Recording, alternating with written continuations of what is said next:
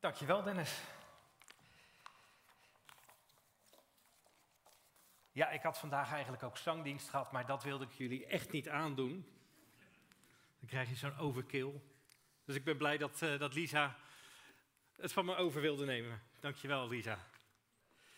Ja, drie jaar geleden vraagt Dennis aan mij: van, joh, wil je een keer spreken? Drie jaar geleden. Ik heb een vrij volle agenda, dat snap je. Nee, er kwam van alles tussendoor. En ik heb heel lang getwijfeld. En ik denk, ja, preken, ik, uh, hoezo? En op een gegeven moment zegt Dennis, joh, het mag ook een getuigenis zijn. Dus ik denk, nou, daar kan ik misschien wel wat mee. Dus, uh, nou ja, hier sta ik. En vandaag wil ik je meenemen op een ontdekkingsreis die ik de afgelopen jaren uh, heb gemaakt en nog steeds maak. En deze preek is ook ontstaan vanuit die zoektocht. In plaats van één specifieke tekst is dus die zoektocht ook het vertrekpunt vanochtend. Maar onze reis zal gaandeweg ook wel langs een aantal uh, Bijbelteksten voeren. In vogelvlucht wil ik je graag uh, mijn geschiedenis met God schetsen. Het is 1974. Mijn vader is ZZP'er, zijn tijd dus ver vooruit. En hij werkt als uh, boekhouder vanuit huis. Hij heeft een kantoortje in huis, maar die gebruikt hij eigenlijk nauwelijks, omdat hij het gezelliger vindt om aan de eettafel te werken.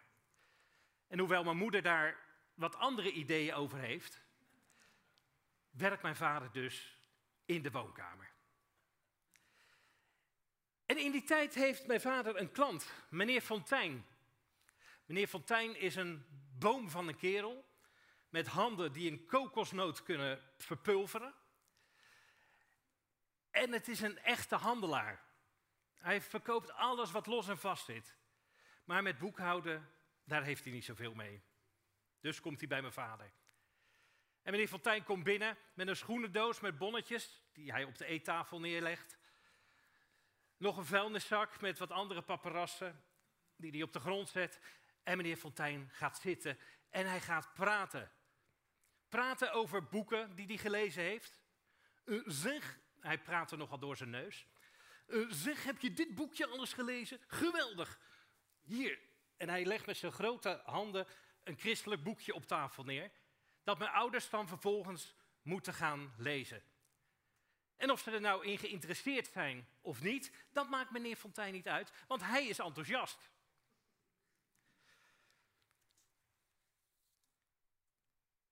En toch, dankzij of ondanks meneer Fontijn, komen mijn ouders tot bekering. En vanaf die tijd, ik ben dan een jaar of vier, nemen mijn ouders me mee naar de volle evangeliegemeente in uh, Rotterdam. Misschien ook wel grappig om even te vertellen dat ik uh, daar Walter Sas ook uh, leer kennen, die dan ook vier jaar oud is. ja, die is ook vier geweest. en, en het grappige is dat ik nu met twee van zijn zoons hier weer in de band sta, na al die jaren. Dus dat vond ik wel leuk eigenlijk, om te zien hoe dat ja, hoe dat zo na al die jaren weer terugkomt.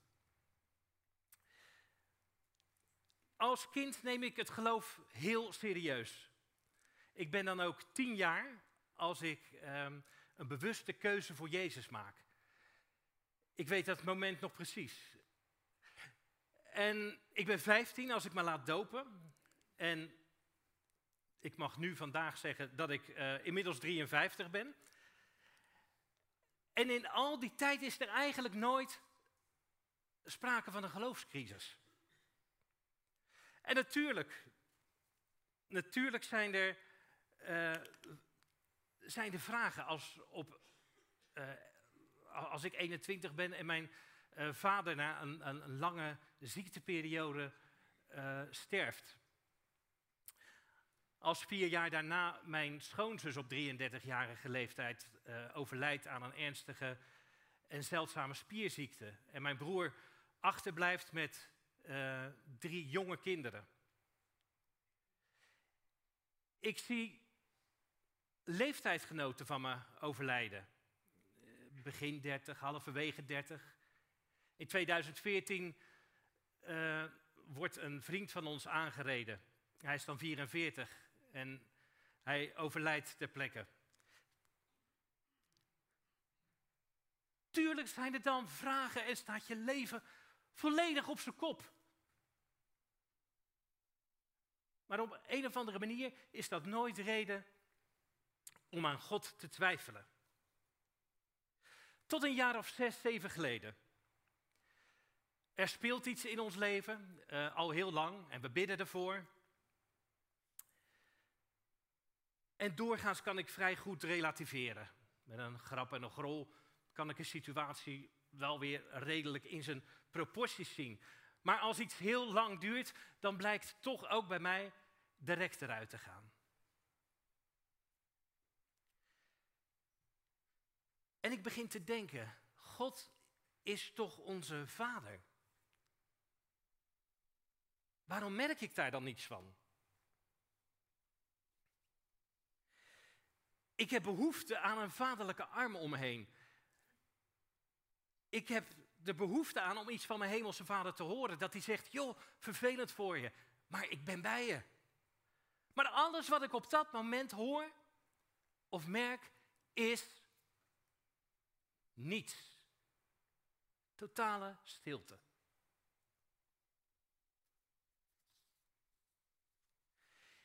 Jezus heeft ons het Onze Vader geleerd. Hij heeft ons uh, de gelijkenis verteld van de verloren zoon, op wie de vader met wijd uitgespreide armen stond op te wachten.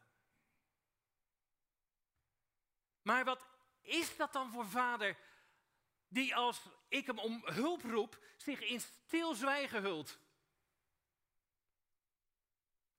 Zelfs mijn aardse vader, die zo zijn beperkingen had, zou gevoeliger hebben gereageerd.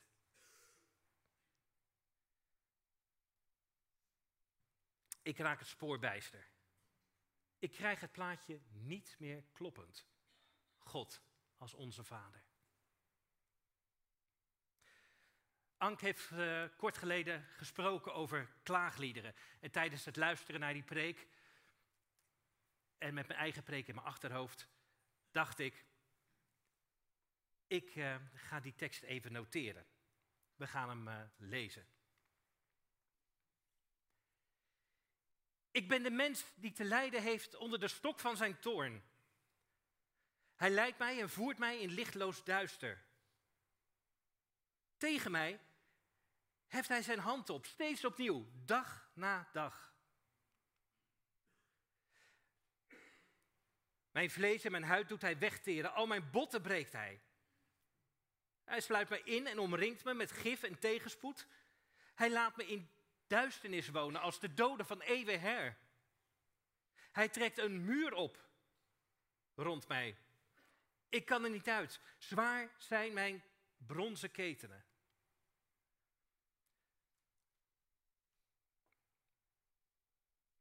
Even kijken. Volgens mij gaat hij niet uh, goed. Daar is hij weer. Als schreeuw ik en roep ik om hulp. Hij wil mijn gebed niet horen. Hij verspert mij de weg met rotsblokken. Mijn paden maakt hij krom. Als een beer loert hij op mij, als een leeuw in het verborgene. Hij dringt me opzij. Hij verscheurt me en verwoest mijn leven.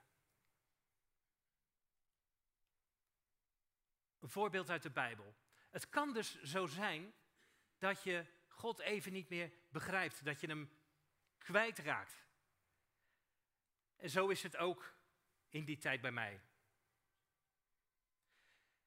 En in die periode uh, zit ik hier vooraan, meestal, uh, meestal hier. En uh, we zingen liederen. Liederen als U bent eindeloos mooi. En wat een geweldige God. En ik, ik, ik, ik hou ontzettend veel van, van zingen. Maar ik krijg geen woord meer over mijn lippen. Ik kan er totaal niets mee. Ik kom dan ook een tijdje niet meer in de kerk. Ik kan het niet meer. En ik begin zelfs te denken, ik begin zelfs te denken, volgens mij is er helemaal geen God. Houden wij onszelf niet voor de gek? Is het niet een psychologisch trucje om ons staande te houden? Ik weet het echt niet meer. Totdat ik op een dag uh, samen met onze hond loopt. Wa wat? Oh, ja, nee, ja, dit, is, uh, dit is Pluk, onze hond. Ja. Ja, ik zie nu gewoon dat er een aantal mensen zitten denken. Als dat je hond is, dan snap ik dat je gaat twijfelen aan het bestaan van een God. Maar hij is erg lief, onze Pluk. Nou goed, ik loop dus te wandelen en op een gegeven moment kijk ik naar boven, naar de lucht. En ineens besef ik me dat ik sta te kijken in het oneindige. Dat waar ik naar kijk, heeft geen einde. En natuurlijk weet ik dat al lang. Maar er zijn van die momenten dat wat je weet, dat je dat ineens gaat beseffen. Dat het bij je binnenkomt. Dat je het als het ware gaat ervaren. En, en dit is zo'n moment voor mij. Heb je dat wel eens geprobeerd om naar de lucht te kijken, naar boven te kijken en dan niet even zo, maar je hoofd achter in je nek en minutenlang gewoon maar naar boven kijken. En het overdenken. Die oneindigheid op je te laten inwerken. Probeer het maar eens.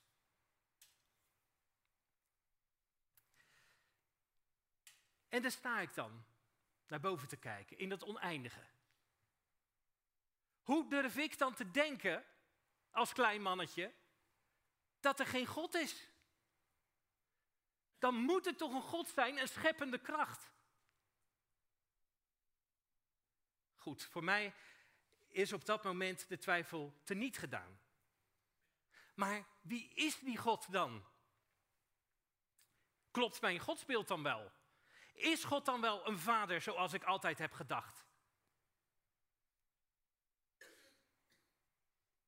Laten we eens kijken in de Bijbel. En er komen een flink aantal teksten nu. Toen ik deze preek doorsprak met Dennis, zei hij van joh, de helft bestaat uit teksten. Maar ja, je moet het jezelf ook niet moeilijker maken dan nodig is natuurlijk. Toch? Matthäus. Matthäus 23, vers 9. Noem niemand je vader, één is je vader. Matthäus 5, vers 48. Wees dus volmaakt zoals je hemelse vader volmaakt is. En Matthäus 6 is het gedeelte waar Jezus het onze Vader aan zijn discipelen leert. Uh, Matthäus 6, vers 14. Want als jullie anderen hun misstappen vergeven, dan zal de hemelse Vader ook jullie vergeven. Vers 17. Maar als jullie vasten, Was dan je gezicht en wrijf je hoofd in met olie. Of doe een lik gel in je haar. Zodat niemand ziet dat je aan het vasten bent. Alleen je vader die in het verborgene is. En alleen jullie vader die in het verborgene ziet, zal je ervoor belonen. Vers 26. Kijk naar de vogels in de lucht. Ze zaaien niet, en oogsten niet en vullen geen voorraadschuren. Het is jullie hemelse vader die ze voedt. Zijn jullie niet veel meer waard dan zij? Jezus zelf schetst hier dus toch het beeld van een zorgzame vader. Wellicht is er een ander probleem waardoor ik in de knoop kom met het beeld van een vader. Wat is eigenlijk een vader? De vader van vroeger is een totaal andere vader dan die we vandaag de dag zien. Vroeger zei de man tegen zijn vrouw: Succes met bevallen, ik ben even aan het biljarten in de kroeg om de hoek. Als je dat vandaag de dag zou zeggen, dan laat je vrouw je alle hoeken van het huis zien. Op zo'n manier dat je je leven lang geen keu meer kan vasthouden.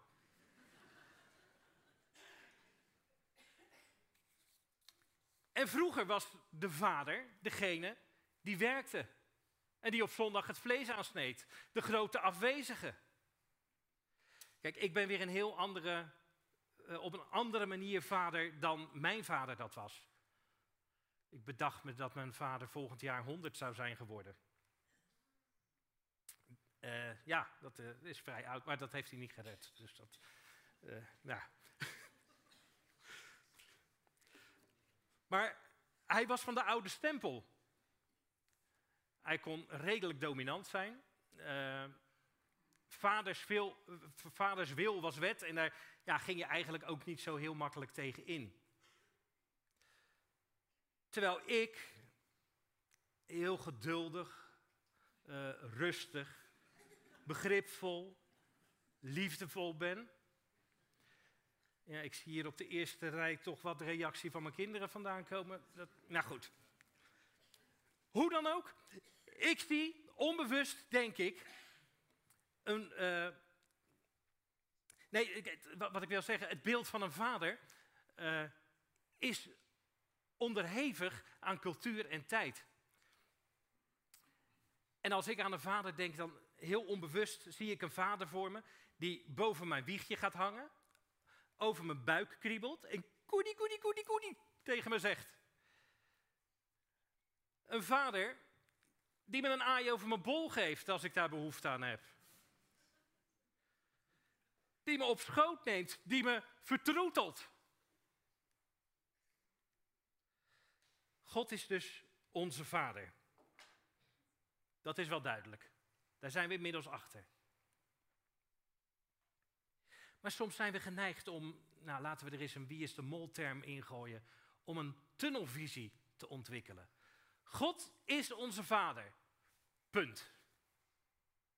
En dat is het dan. Dat is ons referentiekader. Dat is waar we ons fijn en geborgen bij voelen. We maken van God een leuk, klein, hanteerbaar vadertje. Iets waar we mee uit de voeten kunnen. Maar als die vader dan net even iets anders doet dan in ons kader past, of misschien helemaal niets doet, dan is de crisis. Dan krijgen we kortsluiting en past het niet meer in ons godsbeeld. We kunnen het vergelijken met als we een beeld van de gemeente willen hebben. Ik kan dan op ongeveer 20 centimeter vanaf Dennis gaan staan en denken, hé, hey, dat is de gemeente van de Kerk van de Nazarener in Vlaardingen. Dennis, leuk. Of, uh, of niet leuk misschien, ja, dat mag je ook denken. Als ik dan een stapje achteruit doe, dan zie ik ineens de vrolijke snoet van Jorina. En als ik er nog een stapje achteruit doe, dan zie ik Lise zitten. Als ik op het podium ga staan, dan zie ik nog veel meer van de gemeente. Zo is het ook met ons godsbeeld. Wat zou er gebeuren als we iets durven uit te zoomen? Uitzoomen van wat ons zo vertrouwd is en wat ons vastigheid biedt. Laten we de Vader eens van een afstand gaan bekijken. Er staat een tekst in Johannes uh, 1, vers 12 en 13. Wie hem wel ontvingen en zijn naam geloven, heeft hij het voorrecht gegeven om kinderen van God te worden. Zij zijn niet op natuurlijke wijze geboren, niet uit lichamelijk verlangen of uit de wil van een man. En hopelijk ook uit de wil van een vrouw. Maar uit God. Geboren uit God. Een vader is dus degene die aan het begin van je leven staat. Degene die je gewild heeft, zeg maar, de bron van je leven. En zonder die vader zou je er niet zijn. We hebben God nu eventjes losgekoppeld van het beeld van een vader en hem teruggebracht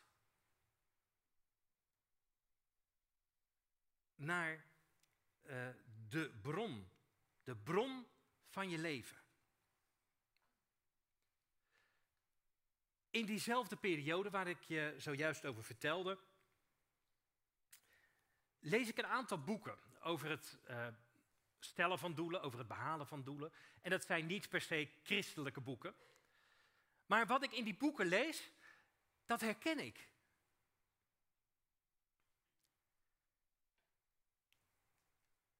Ze beschrijven dingen die ik ook in de Bijbel tegenkom, alleen in andere bewoordingen.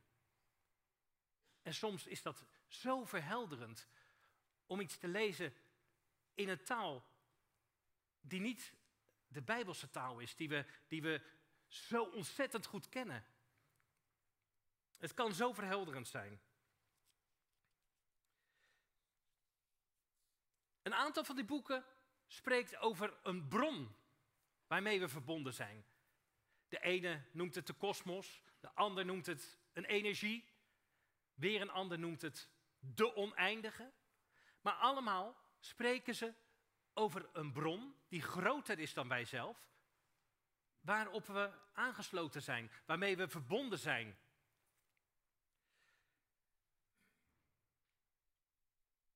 En dat we uit die bron mogen putten. Dat alles wat we willen of willen bereiken, besloten ligt in die bron. Ja, en een bron of een energie, het is natuurlijk veel vager dan een vader. Maar die bron, die bron herken ik ook uit de Bijbel. Ik wil een tekst met jullie gaan lezen die, uh, die waarschijnlijk heel bekend is, omdat Ed er heel veel over gesproken heeft. Handelingen 17, vers 28. Want in Hem leven wij, bewegen wij en zijn wij. Of, zoals enkele van uw eigen dichters hebben gezegd, uit Hem komen ook wij voort. Zoals ik God tegenkom in die niet-christelijke boeken, zo komt Paulus God tegen in de gedichten van niet-christelijke dichters uit zijn tijd. In Hem leven wij, bewegen wij en zijn wij. Als we in Hem leven, dan zijn we met Hem verbonden, onlosmakelijk. En ook al beseffen we het niet, ook al merken we het niet, ook al geloven we het zelfs misschien niet, we zijn met Hem verbonden. Buiten Hem is er geen leven. Hij is de bron waaruit we mogen putten. En diezelfde gedachte komen we ook al tegen in het Oude Testament. En ook die tekst wil ik gaan lezen. En die lees ik ook helemaal. Een psalm is het. Omdat ik hem gewoon zo ontzettend mooi vind. Psalm 139.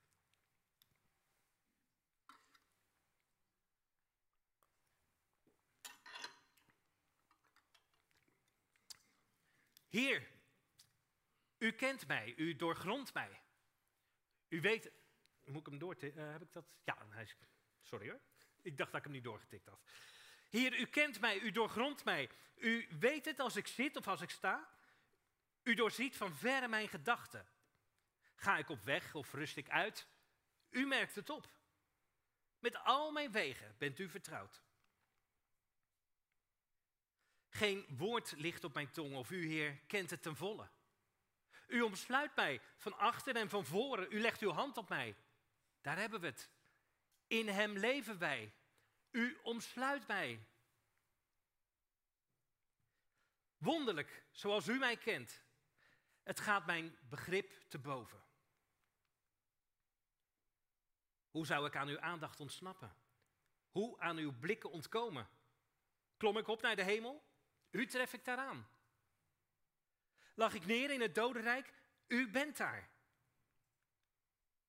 Nou verhief ik me op de vleugels van de dageraad, al ging ik wonen voorbij de verste zee, ook daar zou uw hand mij leiden, zou uw rechterhand mij vasthouden.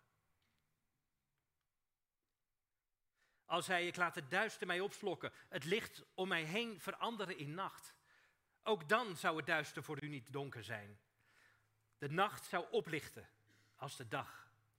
Het duister helder zijn als het licht. U was het die mijn nieren vormde, die mij weefde in de buik van mijn moeder. Ik loof u voor het, ontzag, uh, voor het ontzaglijke wonder van mijn bestaan. Wonderbaarlijk is wat u gemaakt hebt. Ik weet het tot in het diepst van mijn ziel. Hoe vaak sta jij voor de spiegel?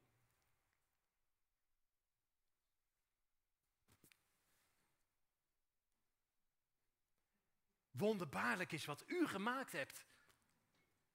Dat is toch heerlijk als je dat kunt zeggen. Als je naar jezelf kijkt en kan zeggen, Heer, wonderbaarlijk is wat u gemaakt hebt. Toen ik in het verborgene gemaakt werd, kunstig geweven in de schoot van de aarde, was mijn wezen voor u geen geheim. Uw ogen zagen mijn vormeloos begin. Alles werd in uw boekrol opgetekend. Aan de dagen van mijn bestaan ontbrak er niet één. Hij zorgt voor ons. Misschien niet altijd zoals wij dat zouden willen, zoals we het zouden verwachten.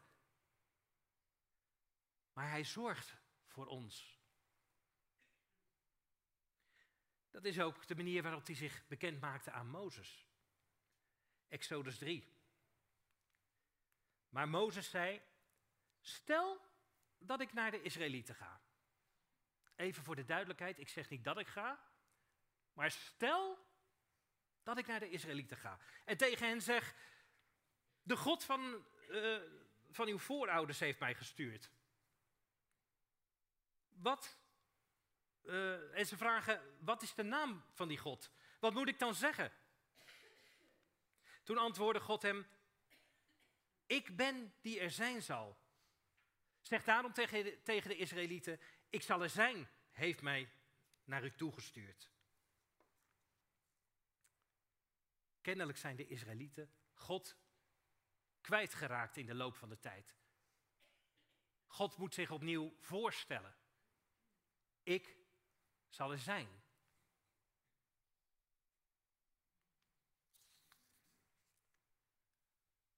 Maar Heer, ik zie u niet. Ik zal er zijn.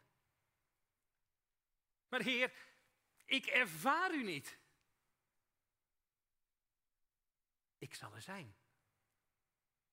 Maar Heer, help, ik verdrink. Ik zal er zijn, kleingelovige. Dat laatste doet me denken aan het verhaal van de storm op het meer. Jullie kennen het wel. De discipelen zijn met Jezus het schip ingegaan. Uh, nee, dat zeg ik niet handig. Uh, uh, ze voelden zich in de boot genomen. Nou ja, hoe dan ook, ze zitten in een boot samen met Jezus op een meer. En Jezus is gaan slapen en dan begint het te stormen. En dat was geen lullig stormpje. Die golven die ketsten tegen dat houten bootje aan en dat bootje dat werd heen en weer gezwiept. En die discipelen die, die, die staan doodsangsten uit, die, die zijn bang dat ze vergaan. En ze maken Jezus wakker. En wat zegt Jezus dan? Jezus zegt dan, waarom hebben jullie zo weinig moed? Geloven jullie nog steeds niet? Ik zal er zijn. God is rondom ons. We leven in Hem. Zonder Hem zouden we er niet zijn. Hij is onze Vader. Hij is onze levensbron. Hij is de grote oneindige.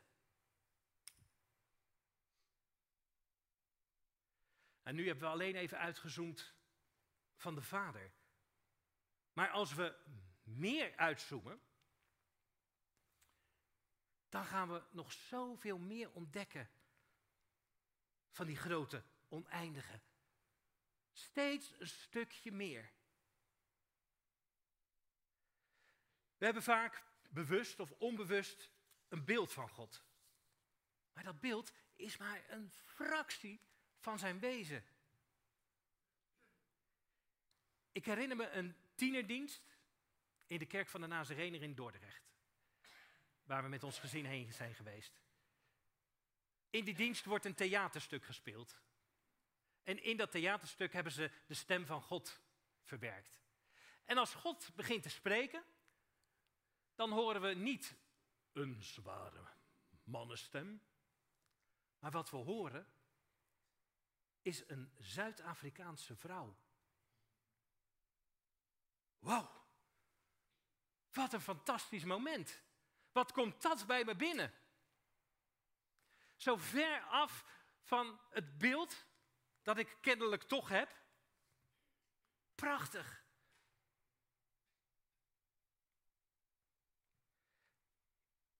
Is het zo erg om in te zoomen op een deel van God? Om in te zoomen op het vaderschap van God? Nee, totaal niet. Dat is goed zelfs. Ik denk dat het zelfs nodig is om God echt te kunnen leren kennen. Maar als we daarna maar weer durven uit te zoomen, op zoek naar wie God nog meer kan zijn. Tijdens de voorbereiding van deze preek heb ik uh, een kort gedichtje geschreven. Als je dat zo mag noemen. Uh, en dat wil ik graag met jullie delen.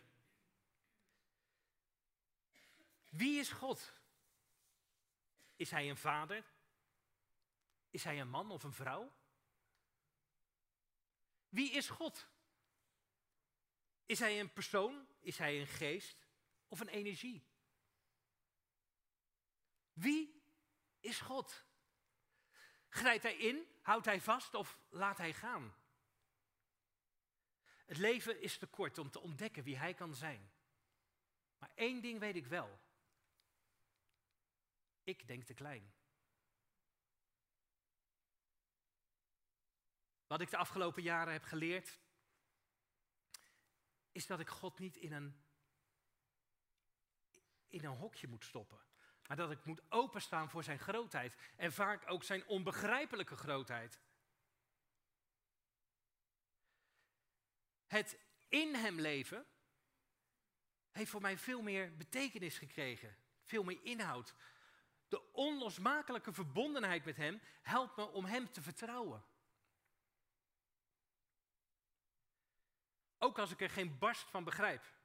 Ik ben me ervan bewust dat, ook als ik in de shit zit, dat ik mag putten uit de bron.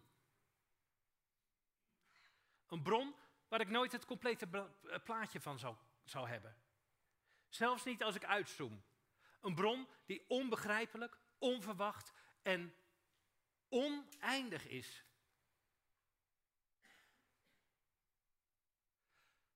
Mag God jou blijven verrassen?